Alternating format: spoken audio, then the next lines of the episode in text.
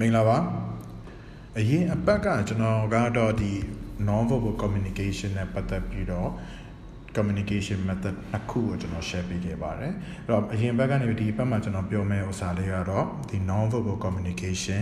ရဲ့ history လေးကိုနည်းနည်းလေးတော့ပပလေးပေါ့ပပလေးဟို share ပေးခြင်းတယ်ပေါ့နော် ကျွန်တော်ကတော့ထမကြပါဒီ non-verbal communication body language micro expression ရဲ့မြန်မာပြည်ရဲ့ပထမဦးဆုံး internationally recognized ဟို trainer တယောက်ပါခင်ဗျဆိုတော့ဆက်ပြတော့ပါနော်အဓိကက communication အရင်ဘက်ကဘာလဲဆိုတော့ပြောပြီးသွားပြီဆိုတော့ communication ကဘယ်အစားလဲဆိုတော့သိကြလားဘယ်လောက်ကြာပြီလဲဆိုတာကိုကျွန်တော်မေးချင်ပါတယ်ပေါ့နော်အဓိကတော့ဘယ်လောက်ကြာပြီလဲအဲ့တော့ communication ကဘယ်လောက်တတန်ရှိပါပြီလဲဒီလူလောကမှာပေါ့နော်အားလုံးထင်တဲ့အတိုင်းလည်းမှန်ပါတယ် communication ရကြည့်မယ်ဆိုရင်တော့တော်တော်ကြာပါပြီတော်တော်ရကြာပါပြီ အဲ့ဒီအမှမှာ oral communication နှုတ်နဲ့စကားပြောတာပေါ့နော်ဆိုတော့ give or take အနေနဲ့အများနှစ်ပေါင်း3000ခွဲ4000လောက်တော့ရှိပါပါပြီ oral နှုတ်ချင်းအပြင်စကားပြောတာပေါ့နော် oral communication က3.5အာ3000ခွဲကြော်ကြော်4000 4000ပေါ့နော်4000လောက်ရှိရပါပြီတေးသေးချာချာကို communicate လုပ်လို့ရတာပေါ့နော် spoken words နဲ့ဟိုဟာနှုတ်ဖြင့်စကားပြောတာဒီအဲ့လောက်လောက်မှတော်တော်ကြီးတိုးတက်လာတာပါ ဆိုတော့စာသားအဖြစ်ရေးတာကတော့တေးသေးချာချာပေါ့နော်စာသားအဖြစ်ရေးအရင်အရင်ခေတ်ကလည်းပုံဆွဲပြီးတော့ရေးတာကိုပြောတာမဟုတ်ပါဘူး ABCD ကခကကကဆိုတော့ပုံစံမျိုးနဲ့စပြီးရေးတာကတော့နှစ်ပေါင်း6000လောက်ပဲရှိသေးပါတယ်ခင်ဗျာနော်နှစ်ပေါင်း6000လောက်ပဲရှိတယ် communication အနေနဲ့ကိုကျွန်တော်ပြောရမယ်ဆိုတော့ဒီဘယ်လိုပြောမလဲစာသားရေးရေးသားအနေနဲ့ပေါ့နော်စာသားရေးသားအနေနဲ့ပြောရမယ်ဆိုရင်တော့ဟို ကြာပါပြီ communication မှာစာသားရေးသားနေဆိုရင်တော့ကျွန်တော်ရှင်းပြမှာဆိုတော့တက်တော့ဘယ်လိုခေါ်မလဲဗျာနှစ်ပေါင်း speech နှုတ်နေနဲ့ပြောမှနှစ်ပေါင်း9သိန်းကျော်လောက်ရှိပါပြီ okay နှစ်ပေါင်း9သိန်းကျော်ဒါပေမဲ့ခုနပြောလို့မစပြီးတော့တိုးတက်လာတာကနှစ်ပေါင်း3000လောက်ပဲရှိသေးတယ်ဆိုတော့ speech အကြောင်းလည်းကျွန်တော်မပြောချင်ပါဘူးဒီ written communication အကြောင်းလည်းပထမဆုံး written communication ကိုစ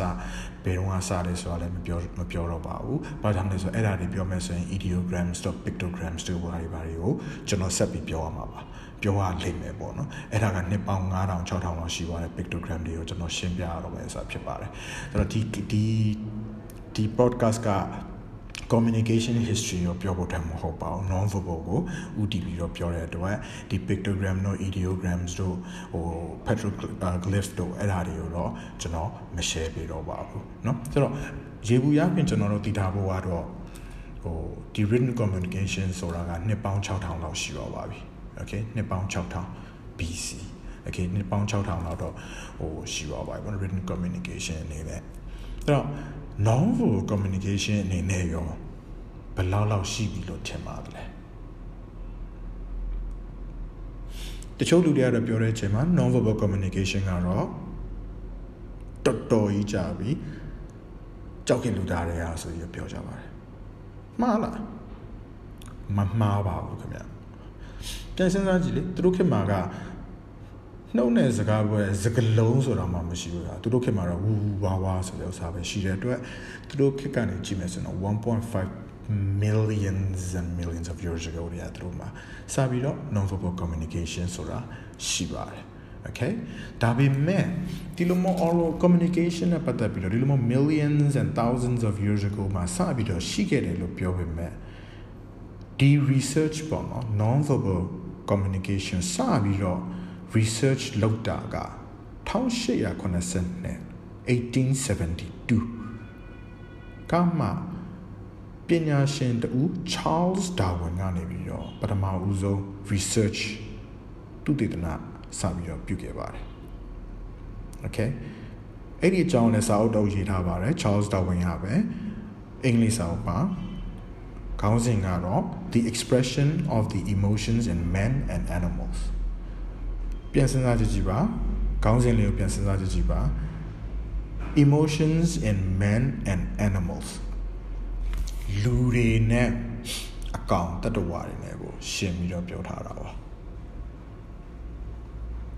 emotion ခံစားချက် okay ထူးဆန်းတယ်လို့မထင်ဘူးလားဘာဖြစ်လို့လူတွေကိုဒီလိုမျိုးအကောင့်နေ animals တွေနဲ့ရှင်ပြီးပြောလဲခင်ဗျအလကားတော့ရှင်ပြီးပြောတာမဟုတ်ပါဘူး okay ပြန်ပြီးစဉ်းစားကြည့်ကြည့်ကျွန်တော်တို့လူတွေကစိတ်တူတယ်မျက်နှာညီရဲမယ်အန်ကျိတ်မယ်တွားဖော်ပြမယ်ဟုတ်တာဟုတ်တတဝါတွေ okay mammals တွေ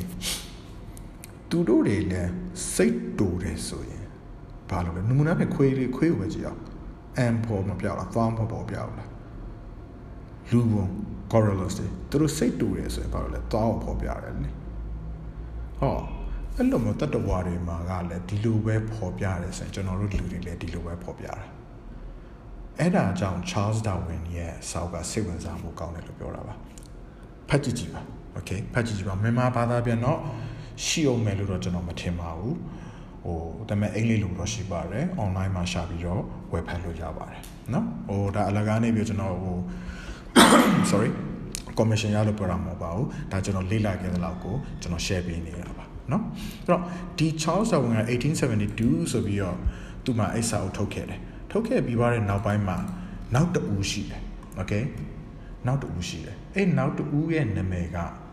Professor Dr. Albert Mehrabian ဆိုတာရှိတယ် okay သူကတော့ Armenian မှာ okay middle ဟိုပါ Armenian ဆိုတော့ဒီ Central Europe ကပေါ့နော် Armenia Middle East to Central Europe ကနေပါဆိုတော့သူဒီ psychology နဲ့ဘွဲ့ရတာဒေါက်တာတယောက်ပါဘလောက်ထိသူလေးလာတယ်ဆိုတော့သူ့ရဲ့ခေါင်းစဉ်တစ်ခုတည်းရှိတယ်ဒါလူတော်တော်များများသိကြတဲ့ခေါင်းစဉ်ပါအဲ့ဒါကဘာလဲဆိုတော့ communication theory တဲ့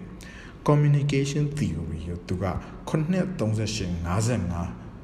rules ပေါ့နော် rules စီမံစည်းကမ်းဆိုပြီးတော့သူကသတ်မှတ်တယ်အတိတ်တွေကဘာလဲဆိုတော့ခုနှစ်ရာက communication ကြီးတစ်ခုလုံးကိုဆက်သွယ်ခြင်းတစ်ခုလုံးကိုဆက်သွယ်မှုဆက်သွယ်ခြင်းတစ်ခုလုံးကိုတရားရာခိုင်လုံးလို့သတ်မှတ်မယ်ဆိုရင်အဲ့ဒီတရားရာခိုင်လုံးရဲ့ခုနှစ်ရာခိုင်လုံးက verbal communication spoken words spoken စကားပြောတာကိုပြောတာပါခင်ဗျ38က tonality နဲ့ voice အတန်နဲ့ဒီအတန်အလှိုင်းဒါတွေကိုပြောတာပါ55ရာခိုင်နှုန်းက body language ပါနားလည်ဘူးလဲမယ်နော်အဲ့ဒါဆိုရင်နားလည်မှုလဲမယ်နော်အဲ့ဒါဆိုရင်ဒီ9ရာခိုင်နှုန်း spoken စကားပြောတာဒီအရေးမပါတော့ဘူးဘောဆိုတာမဟုတ်ပါဘူးခင်ဗျဒီဟာအကုန်လုံးပေါင်းမှ100%ဖြစ်တဲ့အတွက်တစ်ခုမတစ်ခုစလုံးဟိုတစ်ခုမတူကတော့ ဟိုဘယ်ဟာမဆိုတော့ပယ်ထုတ်လို့မရပါဘူးโอเคပယ်ထုတ်လို့မရပါဘူးချွင်းရနေလို့မရပါဘူးခင်ဗျเนาะဒီဟာအကုန်လုံးပါမအောင်ဖြစ်ပါမယ်ဒါပေမဲ့သူပြောချင်တာကလူတွေဒီ938 55ဆိုတာက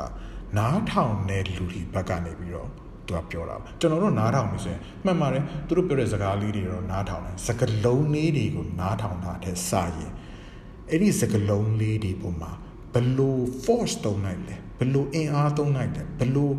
အတန်လေးကို short ပြီးပြောလိုက်လဲဘလို့အတန်လေးကိုကျယ်ပြီးတော့ပြောလဲဆိုတဲ့ဥစ္စာလေးတွေကိုကျွန်တော်တို့ကနားထောင်ပြီးတော့အဲ့ဒီစကားလုံးရဲ့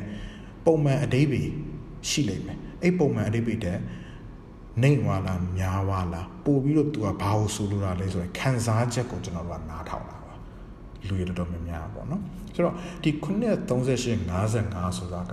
နားထောင်တဲ့ဘက်ကလူတွေကိုသူကလေးလာပြီးတော့ပြောတာ ဆိုတော့ကျွန်တော်တို့ပြောတဲ့လူတွေရရောသုံးလို့မရဘူးလားဆိုတော့ရတာပေါ့ဗျရတာပေါ့အရန်ကိုရတာပေါ့ဒီပမာမူတည်ပြီးတော့ကျွန်တော်တို့ကသူတို့နားထောင်တဲ့လူတွေနားလေရလွယ်အောင်ဒီခုနှစ်38 55ကိုကျွန်တော်တို့ကယူသုံးလို့ရတယ်သုံးပြီးတော့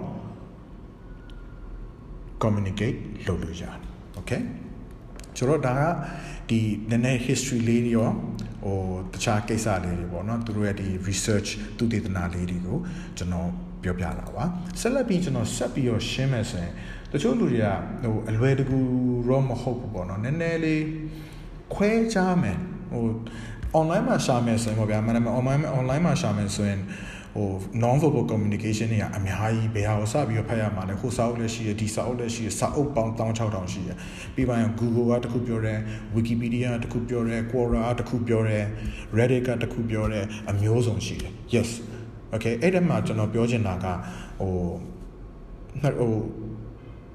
တိတ်ပြီးတော့ရှိရှိဝေးမစင်စားပါနဲ့တိတ်ပြီးရှိရှိဝေးမစင်စားနဲ့ ဟိုဘာကြောင့်လဲဆိုတော့ non verbal communication အောက်မှာအဓိကကျွန်တော်တို့သုံးရမှာကအဓိကတော့ body language ကိုအများဆုံးသုံးရမှာပါ okay body language အများဆုံးမှာမှာကျွန်တော်တို့ကစဉ်းစားရမှာ10ခုပဲရှိတယ်အဲ့ဒီ10ခုလေးကိုကျွန်တော်တို့ကမှတ်ထားပြီးတော့အဲ့ဒါကိုဘယ်လိုသုံးရမလဲဆိုတာကိုလေ့လာပြီးတော့ကျင့်သုံးတယ်ဆိုရင်ကျွန်တော်တို့တော်တော်ကြီးကိုအကျိုးရှောက်ပါမယ်အကျိုးရှိလိမ့်ပါမယ်ခင်ဗျာနော်ဆိုတော့10ခုတွေကနေပြီးတော့ကျွန်တော် ဟိုပုံမှန်အပြင်ဒီကောင်ကကျွန်တော်ကျွန်တော် training ပေါ့နော်ကျွန်တော် training မှာကျွန်တော်အတိအကျ share ပေးတယ်ဟိုတစ်ခုချင်းစီကို like ပြီးတော့ကျွန်တော် share ပေးပါတယ်အဲ့တော့ဒီမှာတော့ကျွန်တော်ဒါ free podcast ဖြစ်တဲ့အတွက်တော့ကျွန်တော်ဟို၃ခု၄ခုလောက်ပဲကျွန်တော် share ပေးပါမယ်နော်ဆိုတော့ number 1ဒီ body language အမျိုးအစားမှာဘာတွေကိုကျွန်တော်တို့အဓိကထားပြီးတော့ပြောရမယ်ဆိုရင် number 1က posture okay ကိုကဘလို့မတက်ရက်နေလဲဆိုတဲ့ဥစ္စာကိုကျွန်တော်တို့ကြည့်လို့ရပါတယ်ပြီးွားရင်အသံ sound ကိုကျွန်တော်တို့ကိုလေ့လာပါမယ်ပြီးွားရင် appearance okay appearance ဘလို့ဝစ်စားထားလဲဆိုတာကိုကျွန်တော်တို့ကြည့်ရပါမယ်ပြီးွားတဲ့ဆိုရင် eye movement မျက်လုံးဘလို့သွားလဲညာသွားလားအရန်မှိတ်ပြီးွားမျက်လုံးအရန်မှိတ်နေလားအရန်ကိုကစားနေလားအဲ့ဒါတွေကိုလည်းကျွန်တော်လေ့လာလို့ရပါတယ် โอเคဒီ၄ခုကတော့မဖြစ်မနေကျွန်တော်တို့လေ့လာသင်တဲ့အရာပါအရန် master လည်းကျွန်တော်တို့ဖြစ်တင်ပါတယ်ဒါကိုအများအားကျင့်သုံးတင်ပါတယ်တခြားဥစ္စာလေးတွေကတော့ကျွန်တော်ရန်ပန်ကလေးတော့ကျွန်တော်ရဲ့ page မှာတော့ share ပေးထားတာလေးတွေရှိရဲစိတ်ဝင်စားရင်တော့ facebook.com/bajutun b a k y u t u n bajutun မှာတွားပြီးတော့ကြည့်လို့ရပါတယ်လေ့လာလို့ရပါတယ်ခင်ဗျနော် တော့ဒီဥစ္စာလေးတွေကိုကျွန်တော် share ပေးပြီးရတဲ့နောက်ပိုင်းမှာထပ်ပြီးတော့ကျွန်တော်ပြောချင်တာလေးတွေကဘာလဲဆိုတော့ body language နဲ့ non verbal communication တွေကထပ်ပြီးသတိပေးတာပေါ့နော်ပြောချင်တာတဲ့ဆိုင်သတိပေးတယ်ဆိုတာကဟိုအမှန်တိုင်းပြောမယ်ဆိုရင်လေအရေးမကြီးဘူးဆိုတော့ပြောတဲ့လူတွေဟာအဲ့ခမရဗျာကျွန်တော်ဒါကို အဲ့လောက်လောက်ဆိုရင်ကျွန်တော်ခမကျုပ်ကိုဖတ်ရန်ဆိုပြီးတော့အဲ့လိုသွားပြီးတော့ဖတ်ခိုင်းတယ်ဆိုလူတွေအဲ့ချိန်မှာကျဟန်ဆောင်လို့ရတယ်လေ body language ကိုဖတ်တယ်ဆိုတာကအဲ့လိုချိန်မှာဖတ်ရတာမဟုတ်ခင်ဗျာ body language ကဘာကြောင့်ဖြစ်လာလဲဆိုတာလေးကိုတော့ကျွန်တော်တို့သိထားဖို့တော့လိုတယ်ဖြစ်လာတဲ့အကြောင်းက emotion ကနေဖြစ်လာတာခံစားချက်ကနေပြီး body language ကပေါ်တာဘလောက်ပဲကိုကပြုံပြုံဘလောက်ပဲဟန်ဆောင်ဆောင်ကြကြဟန်ဆောင်လို့မရပါဘူး okay ကြကြဟန်ဆောင်လို့မရပါဘူးအဲ့အတွက်ခင်ဗျကြောက်ကိုဖတ်ပါတော့အခုချက်ချင်းဖတ်တော့သူကတော့တီတီနဲ့နေနေမှာပေါ့အဲ့ဒါမဲ့ပြောရင်းနဲ့ fuck နဲ့ तू မထင်မှတ်တဲ့မိကုံးလေးတွေမေးလိုက်တာတော့ तू မထင်မှတ်တဲ့မိကုံးလေးတွေမေးလိုက်ပြီး तू ကိုစိတ်တူအောင်လုပ်လိုက်တာတော့အဲ့မှာ तू ပေါ်သွားလိုက်တဲ့1လေးပုံပုံတစ်ပုံစက္ကန့်မှာဖြစ်လိုက်တဲ့ emotion ခံစားချက်ကိုလေးပုံပုံတစ်ပုံတော့တစ်စက္ကန့်တော့မဟုတ်တစ်စက္ကန့်တော့မဟုတ်ဘူးเนาะလေးပုံပုံတစ်ပုံမှာဖြစ်လိုက်တဲ့ခံစားချက် အဲ့ဒီစက္ကန့်လေးပုံပုံတစ်ပုံမှာဖြစ်လိုက်တဲ့စက္ကန့်ပုံမှာဖြစ်လိုက်တဲ့ခံစားချက်ကိုဘယ်လိုနည်းနဲ့တော့ထိန်းလို့မရပါဘူးထိန်းနိုင်တယ်ဆိုတော့ဆရာကြီးပါကျွန်တော်လေးစားပါတယ်ဆရာကြီးပါဒါပေမဲ့လူ100မှာ69ယောက်98ယောက်99ယောက်လောက်ကမထိန်နိုင်ပါဘူးတနည်းနဲ့တနည်းမဟုတ်တော့ပေါ်မှာပါ မျက်နှာမှာမပေါ်ရင်တော့မျက်လုံးမှာပေါ်လိမ့်မယ်မျက်လုံးမှာမပေါ်ရင်တော့လက်မှာပေါ်လိမ့်မယ်လက်မှာမပေါ်ရင်တော့ခြေထောက်မှာပေါ်လိမ့်မယ်ခြေထောက်မှာမပေါ်ရင်တော့ခန္ဓာကိုယ်ဒီရင်ဘတ်ပေါ့နော်ရင်ဘတ်နဲ့ bite ဒီ chest ပတ်ဝန်းကျင်မှာပေါ်လိမ့်မယ်တနေရာမဟုတ်တနေရာမှာပေါ်မှာပါဆိုတော့အဲ့ဒီဟာကိုထိန်းလို့မရပါဘူးဆိုတော့ကျွန်တော်တို့တည်ထိုးကမှန်တယ်ကုနာ history အကြောင်းလေးပြောထားပြီးဆိုတော့ဒီ body body language ကဘာဖြစ်လို့ ထိန်းလို့မရဘူးဘာကြောင့်အရေးပါလဲဆိုဘလောက်ပဲနှုတ်ကပြောပြောကိုယ်ခံစားချက်ကမှန်ချင်မှမှန်ပါနှုတ်ကဘာကြောင့်မမှန်နိုင်ဘူးလဲဆိုတော့ရှာမှာအယိုးမှာမပါပဲဟုတ်တယ်ဟုတ်ဆိုတော့နှုတ်ကမမှန်တာကိုပြောရဲဆိုရင်တော့အဲ့ဒါကိုကိုယ့်ရဲ့စိတ်ကမယုံကြည်ဘူးဆိုရင်ကိုယ့်ရဲ့ခန္ဓာကိုယ်မှာလာပြသွားတယ်ဘောပေါတယ်နော်ဆိုတော့အဲ့ဒါကြောင့် body language ကို control လုပ်နိုင်တယ်ဆိုရင် ကျွန်တော်တို့အလုံးမာရောဘယ်အလုံးမဆိုအယံကိုအယံကိုကျွန်တော်တို့အထောက်ပြုမှာပါโอเค15မိနစ်ရှိပါပါပြီဒီအပတ်ကိုတော့ဒီလောက်လောက်နဲ့ကျွန်တော်ရရခွင့်ပြုပါနောက်တစ်ပတ်မှာမှ ကျွန်တော်ဒီ body language နဲ့ပတ်သက်ပြီးတော့ဆက်ပြီးတော့ share ပေးပါမယ်တစ်ခုချင်းစီကိုခွဲပြီးတော့ကျွန်တော် share ပေးပါမယ်ခေါင်းဆိုမှဘယ်လိုရှိလဲလက်တွေကဘယ်လိုရှိလဲမျက်လုံးကဘယ်လိုရှိလဲတစ်ခုချင်းစီပေါ့နော်တစ်ခုချင်းစီတွေကိုအနေနဲ့နည်းနည်းနည်းနည်းလေးတွေကျွန်တော် share ပေးသွားပါမယ်ခင်ဗျအားလုံးပဲကျေးဇူးတင်ပါတယ်ကျွန်တော်နာမည်ထုံမချပါခင်ဗျ